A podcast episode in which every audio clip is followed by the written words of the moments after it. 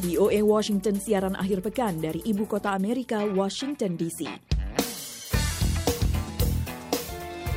Halo pendengar, kembali VOA Weekend hadir untuk Anda di hari Sabtu 29 Agustus 2020.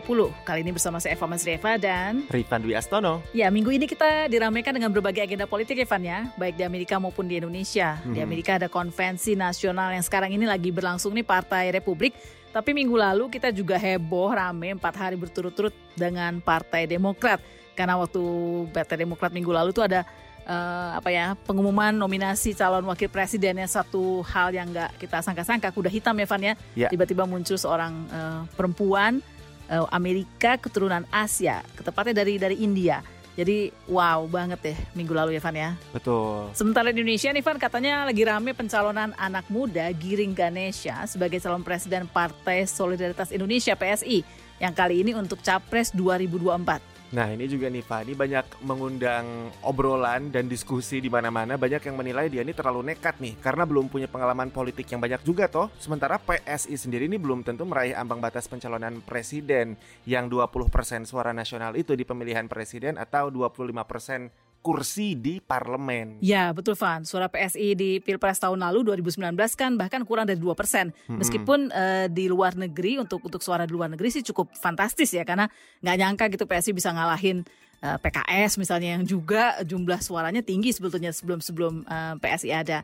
Tapi seru nggak sih ngeliat anak muda berani maju di pertarungan politik skala nasional gitu loh Van?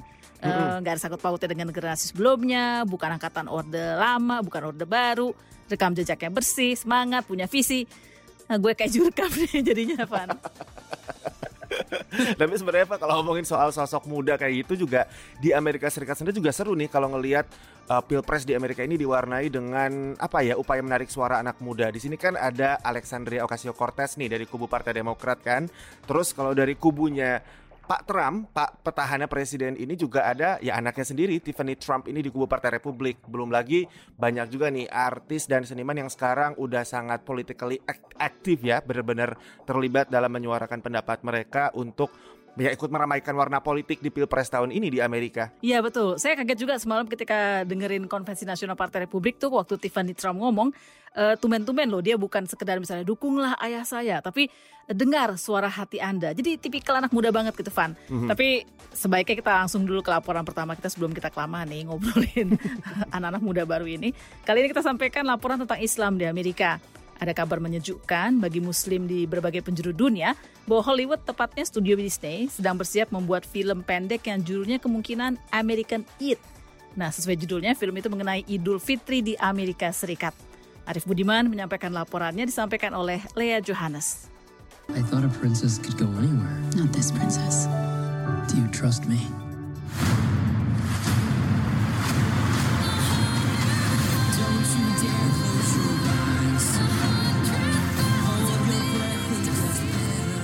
Masih ingat film Aladdin? Barangkali itulah satu-satunya film terkini yang diproduksi Disney yang menghadirkan karakter muslim dalam ceritanya. Film itu tidak jelas-jelas mengangkat persoalan muslim atau Islam dalam penggalan ceritanya. Namun banyak pihak menilai itu usaha sederhana Disney untuk lebih memperhatikan kelompok-kelompok minoritas termasuk muslim. Kali ini Disney akan mengambil langkah lebih tegas. Salah satu studio terbesar di Hollywood ini akan memproduksi film mengenai Muslim dan hari yang dianggap teramat penting bagi umat Muslim di berbagai penjuru dunia, Idul Fitri. Film ini pada intinya bercerita mengenai Amina, seorang anak perempuan keturunan Pakistan berusia 9 tahun yang kecewa karena pada hari besar itu ia dan kakaknya harus pergi bersekolah, sementara ayahnya harus pergi ke kantor. Padahal ia tahu di banyak negara lain di dunia, terutama di negara-negara yang mayoritas penduduknya Muslim, Hari Idul Fitri merupakan hari libur nasional. Amina pun menggalang dukungan untuk mengajukan petisi agar pada hari Idul Fitri sekolah diliburkan. Ia menolak jika hanya diberi izin untuk meliburkan diri sementara teman-temannya harus belajar. Amina yang pandai tidak ingin ketinggalan pelajaran tapi juga tak ingin melupakan begitu saja hari besar Islam itu.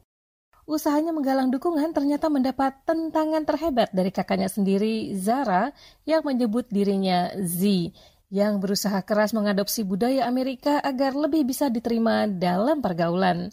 Amina pun terpuruk sedih dan merasa sedikit terobati ketika gurunya memberi kejutan perayaan Idul Fitri di sekolahnya. Kamran Pasha, seorang muslim yang juga produser dan penulis naskah di Hollywood, menyambut baik rencana Disney. Penulis buku Mother of the Believers, sebuah novel mengenai kelahiran Islam, mengatakan, film merupakan medium ampuh untuk mengatasi kesalahpahaman mengenai Muslim dan Islam. Now that's how the power of art. Art breaks through the subconscious, and that's what I hope to do uh, with my novels. Kekuatan seni seperti film sungguh luar biasa. Seni bisa masuk ke alam bawah sadar kita. Itulah yang saya harap bisa saya lakukan melalui novel saya, membuat orang-orang yang tidak pernah membuka buku mengenai Islam tergugah untuk mempelajari Islam. Karya seni bisa memberikan pemahaman tanpa terkesan menggurui. Film mengenai Islam bila dikemas secara sederhana namun efektif bisa sangat membantu meningkatkan pemahaman orang-orang mengenai Islam. Sahid Amanullah, seorang muslim dan pakar dunia hiburan yang berbasis di Texas, setuju dengan pendapat Pasha. But when you get into the realm of music, of art, of theater, Um, those are the things I think are have the most profound effect. Musik, seni, film memiliki efek yang luar biasa dalam bila kita bisa menghadirkan Muslim sebagai sosok yang memiliki kerapuhan dan kekuatan seperti orang-orang lain pada umumnya. Para penonton bisa dengan mudah memahaminya. Para penonton bisa menempatkan diri mereka pada situasi itu. Ini artinya penonton yang bukan Muslim juga bisa menikmati film itu. Meski demikian, Emanullah mengingatkan agar para pembuat film mengenai Islam, Muslim, dan permasalahannya berhati-hati dalam memformulasikan pesan yang diusung. I think that the challenge is that we have to understand the context, the broader landscape of the media and understand Tantangannya adalah kita harus mengerti konsepnya, konteks media dalam lanskap yang luas, bagaimana suara kita diinterpretasikan. Kalau kita tidak berhati-hati, kita bisa menguatkan stereotipe yang sudah eksis. Jadi kita harus memahami bagaimana kekuatan film, bagaimana kisah diinterpretasikan, dan bagaimana para penonton akan menonton kita. Kalau kita memahami itu sepenuhnya, kita bisa mendobrak rintangan yang selama ini dihadapi muslim dalam industri film Hollywood. Menurut Disney, mereka kini sedang mencari sejumlah aktor yang akan tampil dalam film itu. Mereka mencari aktor-aktor keturunan Pakistan yang bisa berbicara bahasa Urdu dan Inggris. Tidak jelas kapan film ini akan dibuat mengingat wabah virus corona tidak memungkinkan proses pengambilan gambar. Disney dikabarkan berjanji untuk tidak akan membuat kekeliruan dalam pemilihan aktor. Dalam film Aladdin, tokoh Jasmine seharusnya diperankan aktris Timur Tengah, namun Disney malah memilih Naomi Scott aktris keturunan India berkewarganegaraan Inggris. Menyusul pemilihan Scott, Disney banyak dikecam pengamat industri film yang kecewa karena kurang sensitif menanggapi kurangnya keragaman di Hollywood. Arif Budiman, Lea Johannes, VOA, Washington. Direct